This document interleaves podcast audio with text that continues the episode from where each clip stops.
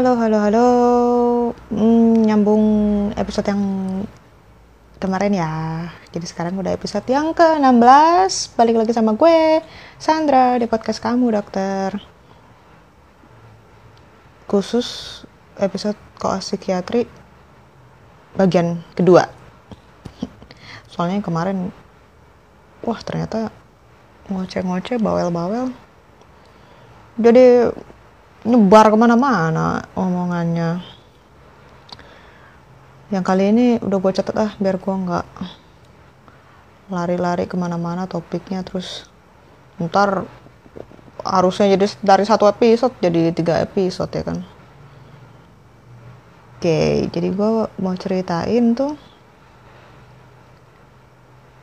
Waktu itu ada yang nanya pertanyaannya lucu deh di Quora itu Apakah kalian pernah dikejar orang gila? Ada yang pernah nggak dikejar orang gila? Permasalahannya kan karena di Indonesia kan uh, orang gila itu banyak yang berkeliaran begitu aja di jalanan tanpa uh, ada perawatan yang tepat gitu ya. Jadi sangat mungkin terjadi seseorang bisa dikejar-kejar gitu sama orang gila tapi jawaban gue waktu itu adalah nggak pernah. Gue nggak pernah dikejar orang gila karena yang gue pernah adalah gue yang gue yang ngejar orang gila. Dan itu terjadi waktu gue koas psikiatri. Karena waktu itu gue mau ujian dan ujiannya itu harus bawain kasus satu pasien. Dan gue berusaha untuk anamnesa pasien itu mengumpulkan informasi dari pasien itu gua nyari pasiennya aja setengah mati men. Itu pasien kagak ada di kasurnya ya kan? Gue keliling-keliling taunya dia lagi ada di taman. Terus gue harus bujukin dia supaya dia mau untuk gua anamnesa mau untuk gua periksa gitu kan supaya gua bisa ujian ya Tuhan. Ujian gitu-gitu amat ya. Nah ribetnya eh, anamnesa di psikiatri itu teknik dan seninya cukup berbeda dengan divisi-divisi lain kalau di divisi-divisi lain itu uh, kita biasanya udah punya arahan-arahannya tuh. Hal-hal apa aja yang harus kita tanyain. Misalkan dimulai dari keluhannya apa mulai kapan keluhan itu muncul bagaimana frekuensinya bagaimana intensitasnya diperparah dengan apa keluhannya jadi lebih ringan dengan apa? Ada keluhan penyerta lain atau apa? Nah itu tuh udah ada uh, nyanyian nyanyiannya apa-apa aja yang harus ditanyain. Sementara kalau misalkan di psikiatri itu beda karena kita ngom pada pasien-pasien psikotik ya kita ngomong dengan orang yang kan nggak bisa kita tanya keluhannya apa uh, saya suka halusinasi saya suka uh, pikiran saya suka nggak tahu ini hari apa. Saya suka nganggep semua orang itu uh, ibu saya gitu. Kan nggak mungkin dia kayak gitu kan dia pasti ngomongnya yang ngaco-ngaco gitu loh. Nah kita harus menentukan sendiri yang dia sedang omongkan ini mengarah ke gejala apa ya? Mengarah ke tanda apa. Jadi seninya adalah kita yang harus bisa menerjemahkan sendiri hasil anamnesa kita. Bukan hanya sekedar mengumpulkan informasi. Nah kesulitannya adalah terutama buat koas yang masih blow on blow on ini nih kita tuh malah seringnya tuh terbawa ceritanya orang itu gitu loh. Dia bilang bahwa dia pernah mendengar ada suara-suara malaikat apa gitu. Terus yang kita tanyain malah berikutnya oh, malaikatnya seperti apa? Kan buat apa gitu ya nanya malaikatnya kayak apa ya? Kan harusnya uh, kita berusaha mengarahkan uh, dia betul-betul melihat malaikatnya atau betul-betul merasakan suara malaikatnya dan apa yang disuruh sama malaikatnya itu apakah malaikat itu menyuruh melakukan hal yang uh, kejam atau mau menyuruh uh, untuk membunuh orang atau untuk menyakiti diri sendiri apa yang di itu dan berasa berapa sering ya kayak gitu kan. Tapi kita malah nanya e, gimana ceritanya? Lah malah gosip sama pasiennya ya kan nah itu tuh susahnya tuh di situ. Dan uh, anamnesa pasien jiwa sangat-sangat membutuhkan kesabaran yang lebih karena uh, I don't think we can cut the conversation gitu aja ya. Karena banyak juga pasien psikiatri yang butuh untuk curhat butuh untuk cerita. Nah gua sendiri sampai sekarang masih belum tahu kapan dan di mana gua boleh uh, misalkan menghentikan cerita kita karena uh, bagaimanapun dokter harus melakukan itu gue rasa. Karena antrian pasien banyak. Kalau misalkan pasien dibiar-biarin gitu aja cerita tanpa juntrungan gitu dan kita nggak bisa menyimpulkan apa-apa gitu wah bisa sampai besok pasien cerita ya kan? Nggak bisa kayak gitu juga. Kalau misalkan di divisi lain kan yang gue tanyain ini kalau dia mulai ngomong uh, ngelancar dari apa yang gue tanyain gue langsung cut dan gue akan uh, tanya, langsung tembak pertanyaan berikutnya gitu. Gue mau intinya gue mau mengumpulkan informasi yang gue butuhkan aja sesuai uh, dengan gejala dan penyakit lu ke mana gitu supaya gue bisa menentukan diagnosa dan gue bisa uh, cari solusinya gitu. Nah kalau misalkan di di psikiatri uh, itu agak beda. Gue masih bingung sih sebenarnya sampai sekarang. Nah itu seninya bedanya di psikiatri itu seperti itu. Terus gue tuh di psikiatri itu ada ini punya dosen yang kece banget sih kalau menurut gue dan kebetulan beliau adalah ibu dari teman seangkatan gue dia eh, spesialis kedokteran jiwa terkenal di Surabaya kalian kalau nonton berita uh, beliau beberapa kali masuk di berita karena beliau adalah psikiater dari Lisa Face Off. Kalau kalian pernah dengar beritanya yang waktu itu cukup heboh Lisa yang face off karena uh, wajahnya disiram air keras sama suaminya itu mendapat pendampingan psikologis uh, dari tim psikiater Dr. Sutomo dipimpin oleh beliau ini namanya Dr. Nalini. Nah, beliau ini juga termasuk psikiater yang sering menolong kalau misalkan ada bencana. Itu beliau juga yang sering uh, punya andil banyak untuk menolong korban-korban bencana. Itu dosen gue yang keren banget. Jadi uh, dulu waktu itu malah gue sampai uh, pernah kayaknya gue mau nyoba konsul gitu ya ke beliau ya tapi beliau hmm, tarifnya waktu itu lumayan mahal. Kalau dari isu yang gue denger sih aduh uang bulanan mahasiswa nggak sanggup ya kan? Nah dari contoh-contoh yang gue sebutin tadi ya Lisa face off terus um, korban-korban bencana gitu kalian bisa ngambil kesimpulan kan? Berarti sebenarnya kan yang uh, dibantu atau yang datang menghubungi dan mencari seorang psikiater itu bukan hanya orang tanda petik lagi sakit eh bukan hanya orang tanda petik gila ya atau ya sakit jiwa memang. Tapi sakit jiwa itu ya nggak sama dengan gila gitu loh. Ini yang gue rasa harus diubah mindsetnya di masyarakat. Menganggap bahwa kalau pergi ke psikiater itu cuma orang gila doang. Padahal enggak. Orang set yang setelah melewati permasalahan berat dalam hidupnya yang merasa membutuhkan bantuan tapi tidak punya saluran, tidak punya tempat uh, untuk bercerita atau bahkan membutuhkan bantuan profesional karena sudah mulai mengganggu aktivitas sehari-harinya ya. Karena permasalahan-permasalahan berat dalam hidup itu ya punya kemungkinan untuk membuat seseorang jadi trauma atau karakternya jadi berubah atau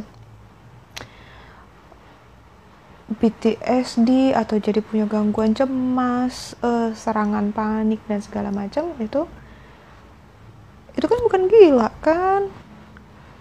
Bukan orang yang halusinasi bukan orang gila yang uh, di pinggir-pinggir jalan gitu yang ngaco-ngaco gitu kan? Tapi mereka juga butuh bantuan profesional dan profesionalnya salah satunya adalah psikiater yang bisa membantu. Jadi uh, eh, gue harap dengan masyarakat mulai pelan-pelan berubah mindsetnya bahwa berkunjung ke psikiater itu sama seperti kayak lu check up ke internis kayak lu periksa anak lu periksain anak lu ke dokter anak gitu. Dan apa sih masalahnya kalau memang lu punya sakit jiwa gitu? Lu bisa minum obat ada obatnya, ada solusinya, ada terapinya, ada bantuannya. Dan itu bisa membuat lo menjadi lebih baik. Anggap aja itu sebagai kayak sakit biasa. Kayak pusing, kayak batuk, kayak apalah radang tenggorokan atau mencret atau apa samain aja kayak gitu nggak usah pikiran lo yang kayak uh sakit jiwa sakit jiwa ya terus emang kenapa minum obat aja lah. Ribet banget. Kalau orang sakit jiwa kenapa? Nah lu pusing kenapa lu batuk kenapa? Kalau lu bisa ngata-ngatain orang sakit jiwa kenapa apa bedanya sama orang batuk? Ya kan? Sama-sama sakit. Duh. dengan mindset masyarakat yang uh, aneh kayak gitu ya um, apa ya menurut gue sih not educated sama sekali. Uh, primitif menurut gue itu membuat banyak orang sengsara sih. Karena orang jadi enggan untuk konsultasi untuk menghubungi dan cari psikiater. Karena malu takut ketahuan takut jadi omongan takut diledekin.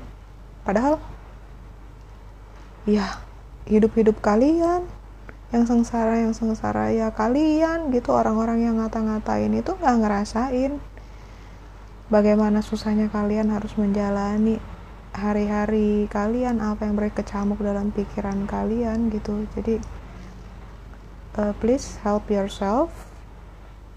Eh, nggak uh, usah dengerin orang-orang cari pertolongan ketika lo ngerasa lo memang butuh dan you you you semua ya kalian kalian semua yang pikirannya masih barbarik dan masih dari zaman batu kayak gitu bilang bahwa orang yang pergi ke psikiater itu cuma orang gila stop oke okay? ya yeah? belajar, dan mulailah menjadi orang yang cerdas. Jangan uh, sembarang-sembarangan ngomong, terus bikin hidup orang makin susah. Oke, okay? eh, kita orang Indonesia udah saatnya merubah mindset yang seperti itu ya kita harus berpikiran lebih maju kalau kalian tahu di luar negeri itu orang skizofren itu ya udah biasa. Udah dianggap ya cuma sakit biasa lah. Berobat lah lu minum obat terus kalau lu udah baik kan ayo kerja lagi gitu loh. Udah pernah nonton film Beautiful Mind? Yang belum pernah nonton wajib nonton. Dibintangi sama Russell Crowe sama Jennifer Connelly Connelly yang udah nonton. Nah, tahu kan kalian itu adalah salah satu contoh seseorang yang bisa berprestasi sampai tingkat dunia mendapatkan penghargaan Nobel Awards di bidang matematika. John Nash dia menderita skizofrenia. Di podcast gue yang lalu gue udah bilang skizofrenia itu adalah diagnosa kemungkinan besar diagnosa orang-orang yang selama ini sering kita lihat aut-autan di pinggir jalan bugil dan ngorek-ngorek tong sampah itu itu diagnosa skizofrenia di negara kita di luar negeri, skizofrenia adalah seorang Jonas yang bisa mendapatkan penghargaan internasional. Betapa jauh perbedaannya, ya kan? Jadi kita mau jadi bangsa yang seperti apa? Bangsa yang selalu seperti itu, memarginalkan orang dengan skizofrenia, menganggap bahwa orang dengan skizofrenia itu orang yang gak layak hidup, orang yang uh, lebih uh, rendah derajatnya daripada kambing karena di daerah-daerah masih banyak sekali perlakuan terhadap orang skizofrenia dengan pemasungan sampai kulitnya luka semua infeksi malnutrisi karena nggak diberikan makanan yang sesuai badannya berlumuran dengan fesesnya sendiri karena nggak dirawat ditaruh di kandang. Halo kalian bahkan merawat kucing kambing dan sapi kalian dengan jauh lebih baik daripada yang kalian lakukan terhadap anggota keluarga kalian dengan gangguan jiwa oke okay? ya kita harus mulai melihat ke atas ke negara-negara lain, ke orang-orang lain dengan pola pikir yang lebih maju, yang uh, kita harus bisa sampai se level itu. Itu kalau di luar negeri ya. Kalau misalkan ada seseorang dengan yang melakukan tindakan kriminal, kalau di pengadilan uh, dia bisa membuktikan bahwa dia melakukan tindakan kriminal itu ketika dia tidak sedang dalam pengobatan psikiatri untuk mengatasi skizofrenianya, dia bisa lepas dari tuduhannya loh. Gue pernah nonton di film, gue lupa filmnya apa, e, serial kalau nggak salah waktu itu. Jadi pengacaranya itu sampai mm, menyusun riwayat kesehatannya dia, riwayat pengobatan psikiatrinya dia, dan dia berusaha untuk me mengajukan argumen bahwa tindakan kriminal ini dilakukan ketika uh, kliennya sedang putus obat dari pengobatan skizofrenianya dan dia masuk penjara. Jadi uh, begitu pentingnya orang-orang di luar negeri itu me menilai kesehatan mental nggak nggak dijadikan lelucon nggak dijadikan bahan olok-olok atau justru diremehkan karena dianggap hal yang nggak penting? Beda banget ya sama di Indonesia mudah-mudahan suatu hari nanti kita bisa sampai uh, di level seperti itu di mana orang skizofrenia yang bisa rutin mendapatkan terapinya disupport sama keluarganya diterima oleh masyarakatnya sampai mereka bisa uh, bekerja dan produktif seperti layaknya orang-orang lain. Orang-orang sehat lainnya yang sehari-hari misalkan cuma sering pusing-pusing doang atau lagi sakit gigi aja gitu. Minum obat udah terus bisa lanjut kerja lagi gitu. What a wonderful world ya kalau bisa sampai uh, seperti itu. Mudah-mudahan bukan suatu utopia ya tapi bisa di bisa diwujudkan. Mudah-mudahan. Amin. Amin ya Tuhan. Terus stigma-stigma yang lain ya. Banyak banget sih kalau menurut gue Indonesia ini negara stigma. Udah stigmanya negatif banget. Gue juga nggak ngerti hmm, sebenarnya awalnya dari mana kenapa bisa sampai ada pikiran-pikiran kayak gitu ya. Gua nggak mau bilang dan bahwa negara kita ini negara yang paling buruk atau ah menjelek-jelekan negara sendiri. Karena kalau misalkan gue bilang kayak luar negeri gitu ya mungkin pikiran gue di Amerika atau di Eropa mereka juga belum sempurna. Tetap aja di Amerika itu hmm, kalian bisa deh lihat di video-video di YouTube gitu ya video-video amatir atau CCTV masih banyak kok bahkan uh, petugas yang berwenang pun uh, kayak polisi atau bahkan petugas medis pun memperlakukan pasien sakit jiwa dengan tidak manusiawi. Bukan hanya menurut gua, menurut semua orang itu adalah tindakan yang enggak manusiawi gitu. Dan masih banyak juga negara-negara lain misalkan di negara-negara Afrika yang uh, itu bahkan sudah uh, di level gitu sama PBB memang perlakuan mereka terhadap orang-orang sakit jiwa itu yang uh, terparah di dunia. Lebih parah daripada negara kita tapi ya janganlah kita ngelihat ke negara-negara yang lebih parah. Kita harus ngelihat ke yang idealnya bagaimana yang lebih baiknya tuh gimana ya. Harus jadi lebih baik itu gak cuma ke orang skizofrenia atau orang dengan gangguan mental lain ya. Orang depresi juga masih dapat stigma yang salah. Pecandu pecandu narkoba ya. Parah sih kalau gue ngeliat orang-orang itu hmm, menganggap pecandu narkoba itu orang berbahaya atau apa gitu ya. Ya parts of it true ya. Uh, ya jangan lah lu deketin anak-anak lu yang masih balita atau apa ke pecandu narkoba juga ya kan kan kadang pecandu narkoba misalkan dia pakai narkoba yang apa gitu kan kita nggak tahu uh, bagaimana narkoba itu bereaksi di di tubuhnya dan uh, kadang responnya tuh bisa bikin uh, seseorang itu jadi lebih agresif atau apa ya uh, memang harus hati-hati. Tapi bukan berarti kita harus menjauhi mereka gitu loh memusuhi mereka terus menganggap mereka kayak sampah masyarakat atau apalah gitu ya.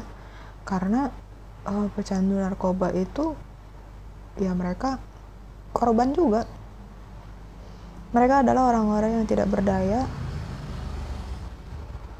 sampai hidup mereka dikontrol oleh eh, bahan-bahan kimia seperti itu gitu ya. Dan itu gue ada nulis artikel serial artikel lagi di Kompasiana dan beberapa jawaban di Quora tentang uh, addiction. Gimana ceritanya seseorang bisa sampai kecanduan? Apa yang salah? Dan itu gue bahas dari sisi medis maupun psikologis. Ada dari sisi genetis memang ada beberapa orang yang punya kecenderungan untuk lebih mudah kecanduan. Yang kedua uh, faktor lingkungan juga jadi epigenetis ya. Epigenetis uh, ada orang-orang dengan genetik yang lebih rentan tapi kalau lingkungannya bagus kemungkinan besar mereka nggak akan uh, jadi pecandu. Tapi ada orang dengan yang genetiknya uh, mungkin seharusnya tidak resiko tinggi uh, kecanduan tapi karena lingkungan dan uh, apa mungkin ada trauma di masa kecilnya atau apa yang membuat dia jadi akhirnya terpapar dan sampai kecanduan uh, itu juga bisa terjadi. Jadi itu faktor yang berhubungan lingkungan dan genetis. Terus ada juga memang faktor dari ya ini tubuh kita yang udah diciptakan kayak gini dan harus uh, bertemu dengan bahan-bahan kimia yang adiktif gitu. Jadi itu hal yang wajar dan uh, eh, gue mungkin akan bilang benar untuk beberapa jenis narkoba jangan sekali-sekali lu coba. Karena ada beberapa obat yang sangat-sangat adiktif. Sekali dua kali lu coba lu udah kecanduan men. Jadi do your research baca baca baca sekali lagi gue bilang belajar belajar belajar jangan sotoy. Uh,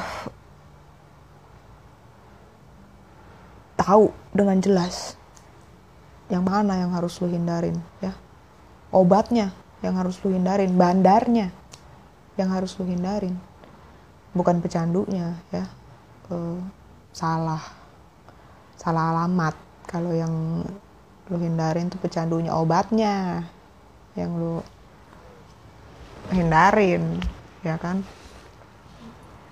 Karena yang salah kan obatnya bandarnya. Itu pecandu kan sama-sama penderita sama-sama orang yang sakit juga gitu. Silakan lah dipelajari dibaca artikel gue uh, dan dipelajari lebih lanjut terutama kalau gue bilang ini yang harus uh, mempelajarinya itu justru guru dan orang tua. Karena percaya nggak percaya ya guru dan orang tua itu adalah seharusnya menjadi uh, dua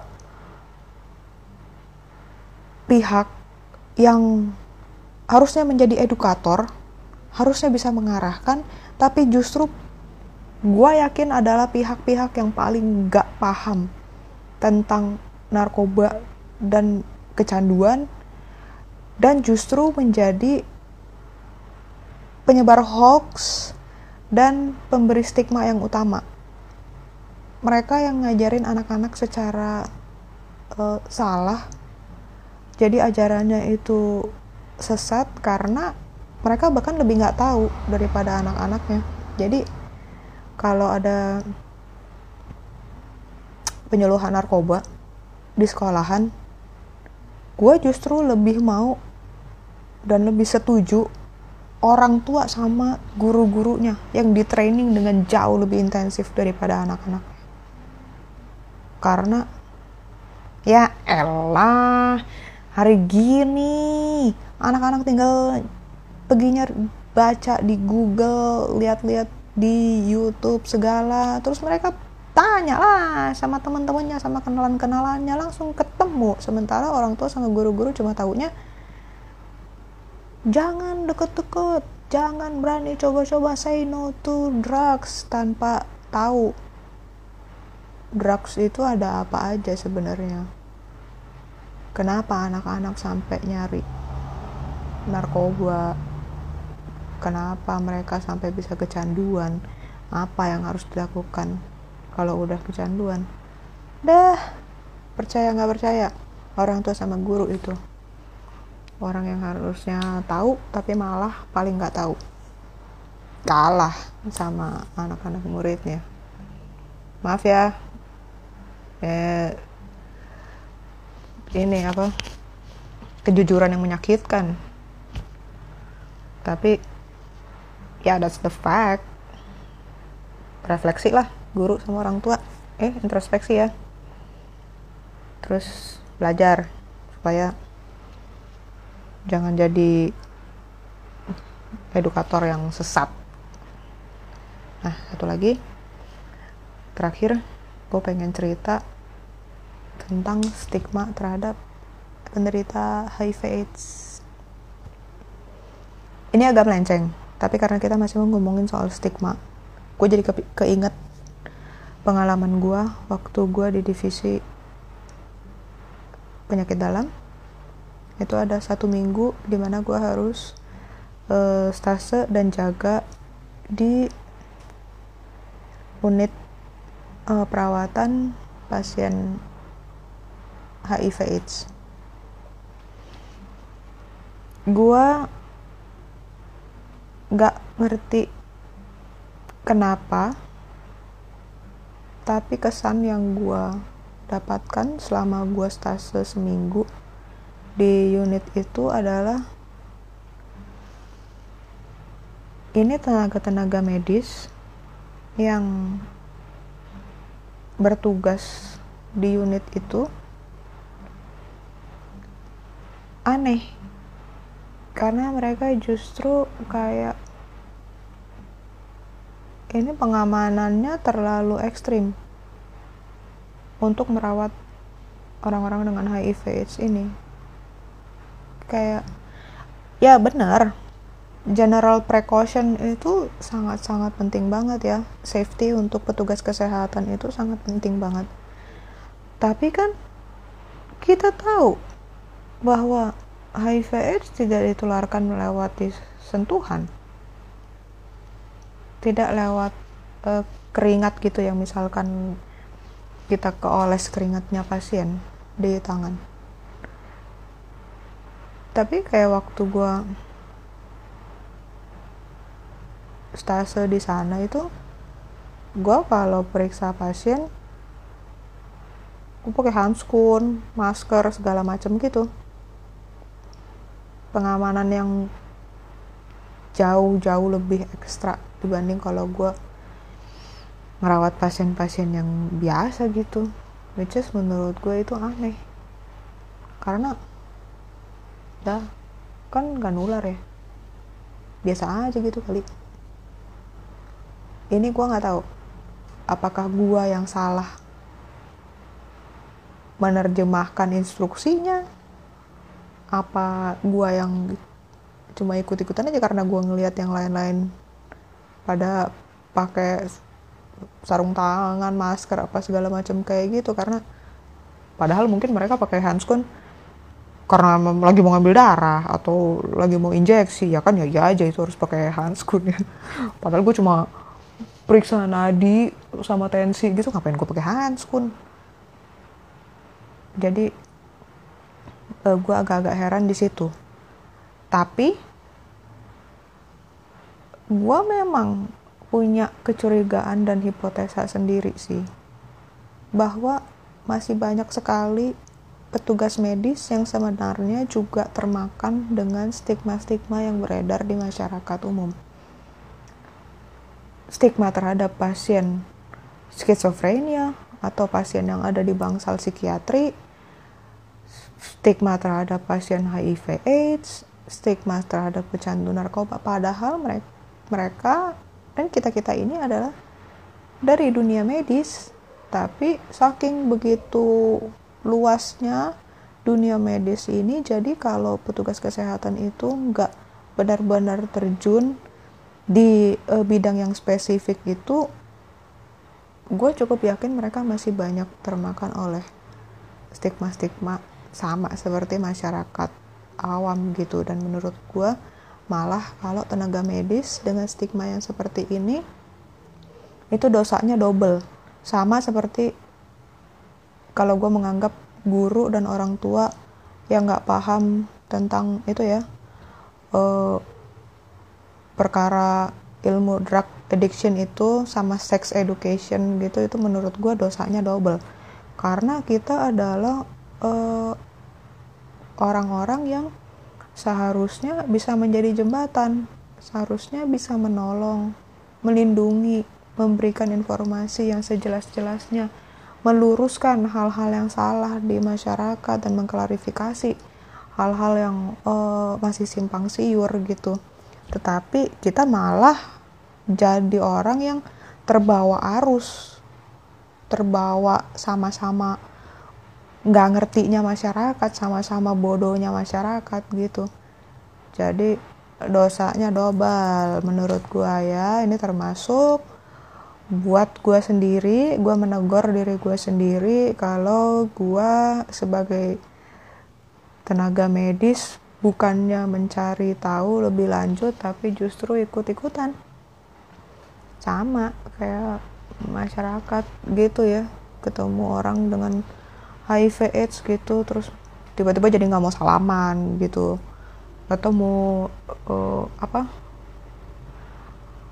uh, orang-orang lagi kumpul gitu nongkrong-nongkrong gitu tapi bercandanya kan ya oh autis lo oh dasar OCD gitu ya. Double ya dosanya ya. Uh, karena seharusnya kita bisa lebih baik daripada itu karena kita punya ilmu kita punya minimal kita punya bahasa yang bisa kita pahami di dunia medis dan kita harusnya lebih tahu daripada masyarakat awam. Kita harusnya bisa mengubah mindset masyarakat bukan kita yang diubah oleh masyarakat. Itu sih gua harap. Hmm, sebenarnya masih banyak stigma-stigma yang lainnya di Indonesia tuh hai. Banyak salahnya tapi pelan-pelan lah pelan-pelan. Gua harap selangkah demi selangkah gitu termasuk gue nulis artikel termasuk gue dengan bikin podcast ini bisa membantu memberikan kesadaran awareness ke masyarakat dan pelan-pelan suatu hari nanti masyarakat kita bisa berubah negara kita bisa menjadi uh, lebih baik dari sekarang jadi buat yang lain-lain gue encourage kalian gue motivasi kalian. Kalau kalian punya pengetahuan uh, dan kalian nggak setuju dengan stigma-stigma yang beredar di masyarakat jangan malu untuk menyampaikan jangan malu untuk menegur jangan takut untuk menegur orang-orang yang uh, perilakunya masih terkungkung oleh stigma-stigma yang salah ini ya. Supaya kita bisa mengubah Indonesia jadi lebih baik ayo anak-anak muda jadi agen perubahan ya. Oke. Okay. udah gue tutup podcast tentang koas psikiatri ini. Agak-agak uh muter-muter ya. Panjang ke sana kemari uh, ceritanya. Tapi memang di koas psikiatri ini kalau secara ilmu gue bisa bilang gue mungkin gak dapat banyak. Yang banyak gue dapat adalah insight wawasan pencerahan. Uh, that spark ya di dalam hati dan otak gue yang membuat gue gue pengen belajar lebih banyak lagi tentang ini karena gue melihat masih banyak yang jadi misteri masih banyak yang salah masih banyak yang bisa dieksplor. Dan terbukti ini yang sebagian besar yang gue omongin di dua episode podcast ini ini gue baru pelajari lama setelah gue lulus jadi dokter. Bukan selama gua koas di psikiatri. Koas psikiatri cuma menanamkan bibitnya aja di gua. That curiosity rasa penasaran itu. Rasa ingin tahu itu. Dan sekarang gue jadi terobsesi lumayan terobsesi dengan ilmu psikiatri dan okay, gue bisa bilang gue pelajari secara otodidak karena enggak ya gue cuma baca-baca dari Google rajin-rajin baca jurnal eh, belajar-belajar sendiri gitu. Tapi that is so exciting. Dan gue harap kalian juga sama senengnya sama gue sama-sama uh, suka. Mudah-mudahan suka sama cerita gue apa yang gue sharingin di sini mudah-mudahan apa yang gue ceritain juga bisa memantik memberikan that spark in your heart supaya adalah insight yang kalian dapatkan dan kalian bisa jadi orang yang lebih baik atau jadi punya motivasi untuk menjadikan diri kalian lebih baik oke? Okay? semuanya dimulai dari diri sendiri ya. Udah gue juga mau istirahat selamat istirahat buat semuanya. Kita ketemu lagi di episode yang berikutnya dengan cerita-cerita yang lebih seru ya. Um, yang hari ini udah dulu see you all and bye bye